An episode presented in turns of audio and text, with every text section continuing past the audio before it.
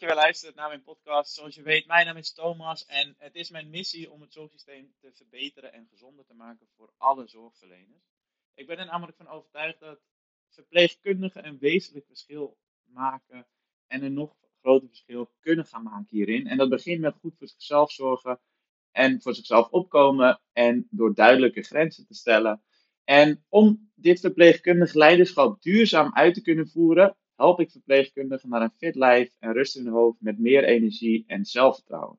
En naast dat verpleegkundig leiderschap coach ik verpleegkundigen om persoonlijk leiderschap terug te pakken, zodat jij zonder maskers door het leven kan gaan en je je leven kan leiden zoals jij dat wil.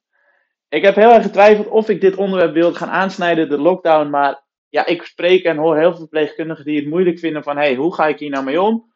Dus ik dacht, ik ga dit toch gewoon bespreken en heel veel tips over de schutting heen gooien. En ik hoop dat je er iets aan gaat hebben. Um, het gaat namelijk veel worden, dus ja, als je op dit moment iets anders aan het doen bent, leg het gewoon echt even naast je neer. En focus je echt gewoon even op deze podcast. Ik ga het zo kort mogelijk proberen te houden, maar soms ben ik wat lang van stof. En om te beginnen, ik spreek de laatste tijd heel veel verpleegkundigen die in een soort identiteitsfusie zitten. Wat is nou een identiteitsfusie? Ik heb het er vaker over verpleegkundigen die hun werk eigenlijk ook nog in een privé situatie uitvoeren. Dus op hun werk zijn ze voor heel veel mensen aan het zorgen en dat doen ze in een thuissituatie ook. Bij vrienden, familie, relaties, overal. En dat is helemaal niet erg, totdat het, totdat het erbij inschiet dat ze voor zichzelf gaan zorgen. En dat uitzicht dus in um, ja, minder zelfzorg op het gebied van bijvoorbeeld voeding, slaap, ontspanning, geen nee zeggen tegen mensen. Um, ja, een heleboel dingen eigenlijk, waar ik het nou ja, altijd over heb. En ja, hoe ga je nou met. Ja, wat moet je met je leven in de lockdown eigenlijk? En uh, ja, dat zeg ik omdat ik. Ik heb eigenlijk al de hele week sinds zaterdag al dat liedje van Hans Theo in mijn hoofd. Wat moet je met je lul in de lockdown?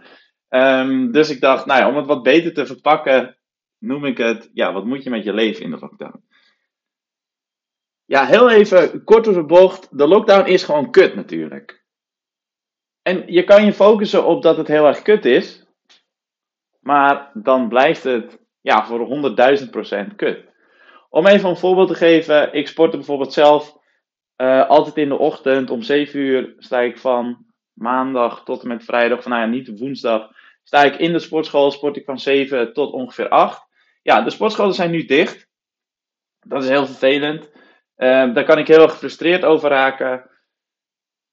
En nou ja, dat uh, ben ik ook een heel klein beetje. Maar ja, heeft dat uiteindelijk echt heel veel zin? Ja, nee. Want ik heb er namelijk geen enkele invloed op. Als je me volgt op Instagram, dan weet je dat ik een home gym heb met uh, ja, best wel veel gewichten, et cetera. Dus ik kan alsnog thuis sporten. Alleen, ik woon ook met huisgenoten. En mijn huisgenoten, nou ja, worden wakker als ik in de ochtend ga sporten. Dus dat is gewoon even geen optie. Daardoor heb ik mijn ochtendroutine uh, om moeten gooien. Wat op zich niet erg is. Ik ben er ook niet blij mee. Maar goed. Ik heb het toch gedaan. Want ja, het is nodig. En ik kan me gaan focussen op het feit dat ik mijn routine om heb moeten gooien. Maar als ik me ga focussen op dat ik dat moet doen en dat ik het niet leuk vind. Het ding is, als je op zoek gaat naar dingen die niet leuk zijn of die je niet leuk vindt, of mensen die uh, jij niet leuk vindt, die ga je namelijk altijd wel vinden. En ja, ik ga je echt geen, geen mooi of geen dromerig verhaaltje vertellen dat je altijd op zoek moet gaan naar het positieve en dat het er altijd is. Want ja, tuurlijk, je kan altijd op zoek naar het positieve. En als je het vindt, of als je het zoekt, het positieve is er altijd. Want het, maar het is gewoon een feit dat ja, deze lockdown is gewoon ja, helemaal kut natuurlijk. En het, ja, dat mag ook gewoon kut zijn, toch? Maar als je alleen focust op dat ja, die lockdown zwaar is en kut, dan wordt het vanzelf nog zwaarder. En ja, hoe lullig dit ook klinkt, als je je gaat focussen op dat alles zwaar en kut is, ja, dan word je zelf ook zwaar en kut. En dat is letterlijk en figuurlijk eigenlijk. mentaal en fysiek. Als jij mentaal gaat focussen op alles wat niet meer kan, op alles wat negatief is, dan gaat jouw hoofd gaat ook naar het negatieve toe neigen. En als jouw lichaam, of als jij in je lichaam gaan focussen op wat niet meer kan, dus als je niet meer kan sporten in de sportschool, en je gaat dus niet nadenken over wat wel kan, dan word je dus, nou ja, niet meer actief, immobiel, minder gezond, beweeg je minder. En dat zorgt uiteindelijk voor een, ja, negatieve, vicieuze cirkel. Ik doe heel even een klein stapje terug van, van deze rant. Ik merk dat ik, uh, nou ja, niet gefrustreerd raak, maar er zit nogal uh, veel energie in bij mezelf, merk ik. En heel even terug naar waar ik het vaak over heb, de cirkel van betrokkenheid van Stephen Covey. En de cirkel van invloed natuurlijk. De cirkel van betrokkenheid, dat slaat op alles wat invloed op jou heeft, maar waar je geen directe invloed op kan uitoefenen, tenminste op dit moment niet. En dat leidt op reactief gedrag. En reacties kunnen, nou ja, zijn vaak, ze kunnen van alles zijn, maar eigenlijk zijn ze vaak negatief en het levert je alleen maar negatieve energie op. En de cirkel van invloed, dat is alles waar je wel invloed op hebt of invloed op kan uitoefenen. En dat zorgt voor proactief gedrag. En dat leidt uiteindelijk tot meer positieve energie en dat je je cirkel van invloed kan uitbreiden. Dat is ook waarom ik altijd zeg, of nou, dat zeg ik eigenlijk niet altijd, maar wel regelmatig. Ga eerst eens kijken naar wat is mijn cirkel van invloed. Dus ga eerst eens kleiner. En ga eerst eens kleiner dus naar kijken van, hé, hey, waar kan ik invloed op uitoefenen? Waar kan ik wel invloed op uitoefenen? En als dat bijvoorbeeld in mijn eigen situatie is, oké, de sportschool is dicht, heb ik daar invloed op? Nee. Dan ga ik dus kijken naar waar kan ik wel invloed op uitoefenen. En daarom wandel ik nu in de ochtend. En sport ik aan het einde van de middag. Vind ik niet per se heel erg leuk aan het einde van de middag sporten, omdat ik simpelweg uh, er dan minder zin in heb. Maar ik vind sporten nog steeds leuk en ik vind het ook belangrijk om gezond te blijven. Dus als ik die bij elkaar doe, ja, dan ga ik gewoon nog steeds sporten. En in de ochtend wandel ik nu. Het is heerlijk stil, frisse lucht. Um, ik zeg goedemorgen tegen mensen. En ja, zeker niet iedereen vindt het leuk. Maar ik vind het wel leuk. En uh, ja, ik geloof daarin ook in een soort positiviteit. Dus als je in de buurt bent van uh, Amsterdam Oost in de ochtend. Ik loop vaak in het Flevopark. En, je, en in het, uh, het is nog donker. En iemand zegt goedemorgen tegen je. Dan heb je heel gro grote kans dat ik dat ben. Um, maar goed, minder dus. De cirkel van invloed gaat wat mij betreft heel erg om ja, minder. En als je dus focust op de cirkel van betrokkenheid, dan kom je eigenlijk in een negatieve vicieuze cirkel terecht. En dan kom je in een vicieuze cirkel van heel veel stress, piekeren, slecht slapen, daardoor ontspan je niet meer, Daardoor maak je minder goede keuzes wat betreft met voeding. Daardoor krijg je weer meer stress in je lichaam. Weer meer kleine chronische ontstekingen in je lichaam. Minder energie, weer meer stress. Meer piekeren, weer slecht slapen. De volgende dag weer minder ontspannen, weer slechte keuzes. Nou ja, ik denk dat je begrijpt en hoort wat de vicieuze cirkel uh, daarin is. En als je verpleegkundige bent en je hebt een onregelmatig leven, dan heb je er nog veel grotere kans, veel grotere kans daarop. Want je hebt onregelmatig slapen, uh, onregelmatige diensten, dus je hebt dan grotere kans op minder goed slapen.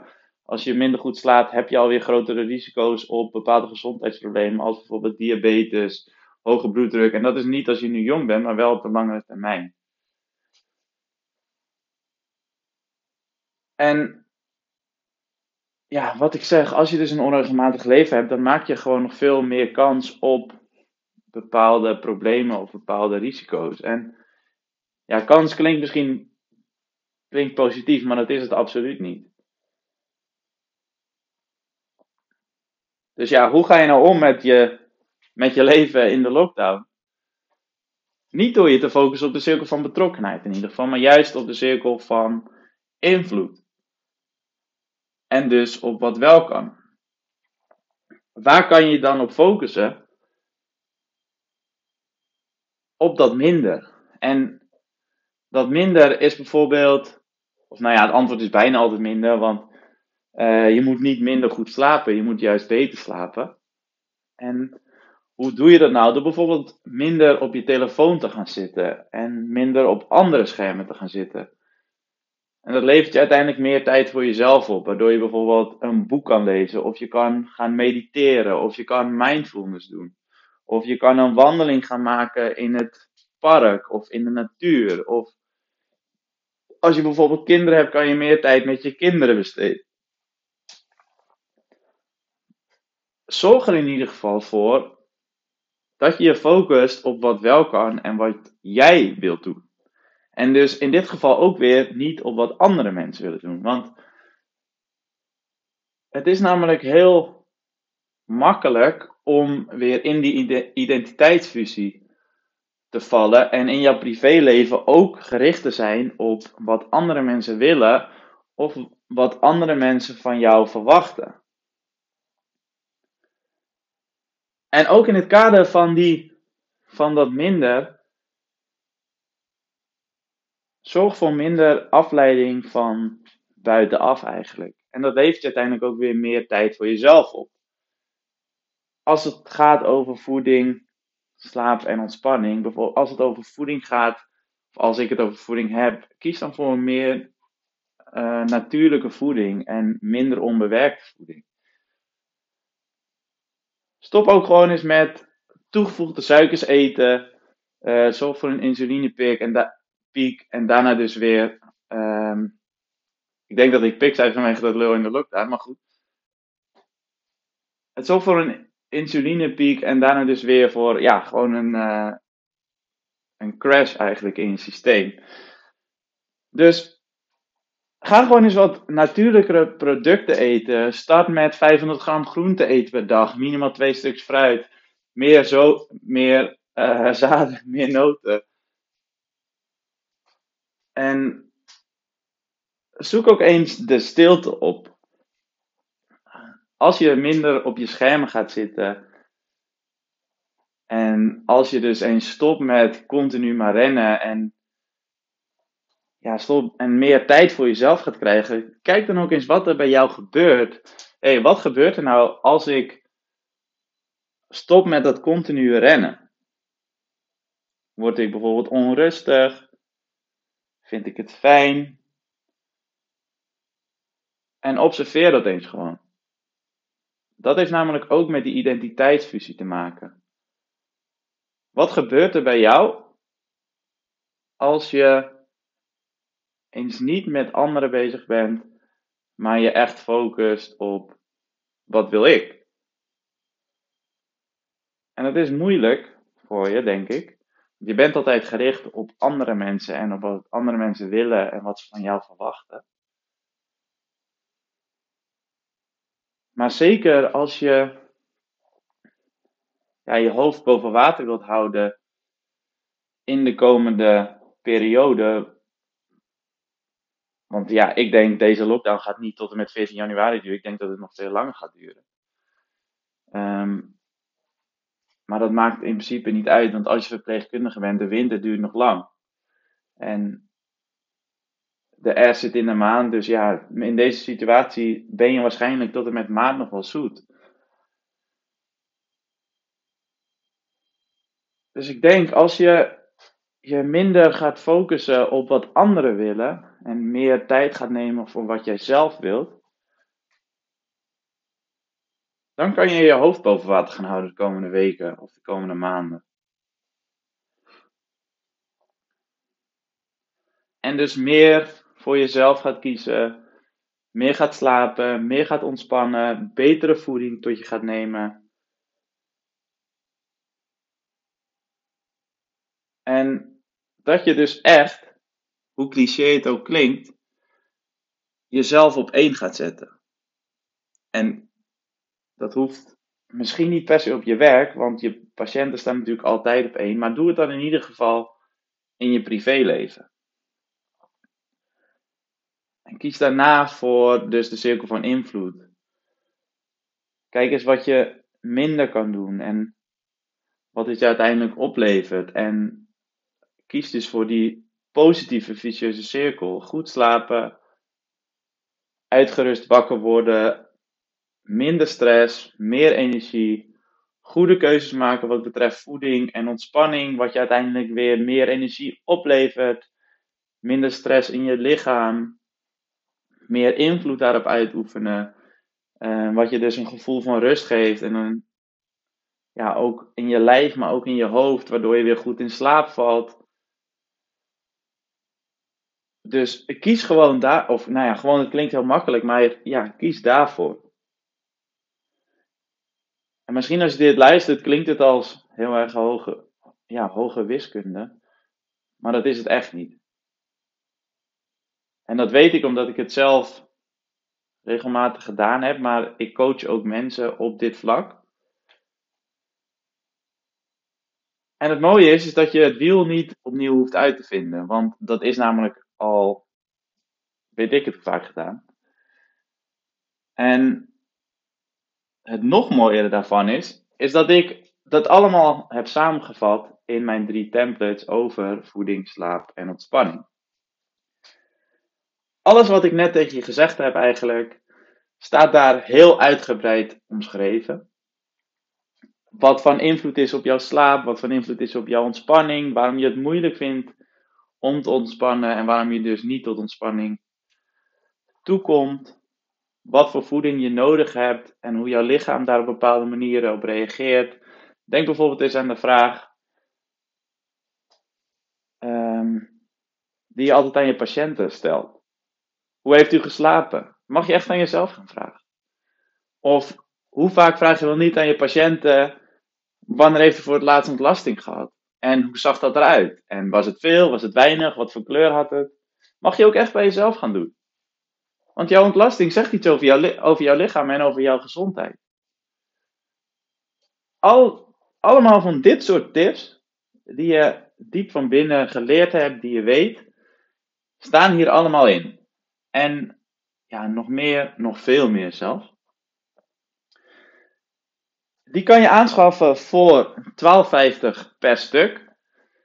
En als je ze alle drie tegelijk wilt kopen, dan kan dat ook zeker. Dan zijn ze namelijk 29,95.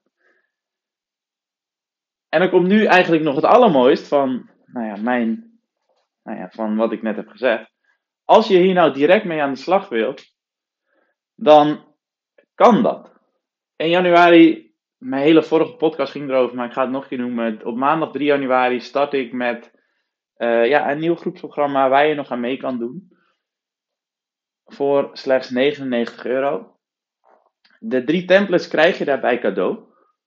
Uh, dus ja, als je daar aan mee wilt doen, hoef je die niet aan te schaffen. En in dat groepsprogramma gaan we dus echt kijken naar uh, wat jij minder kan doen.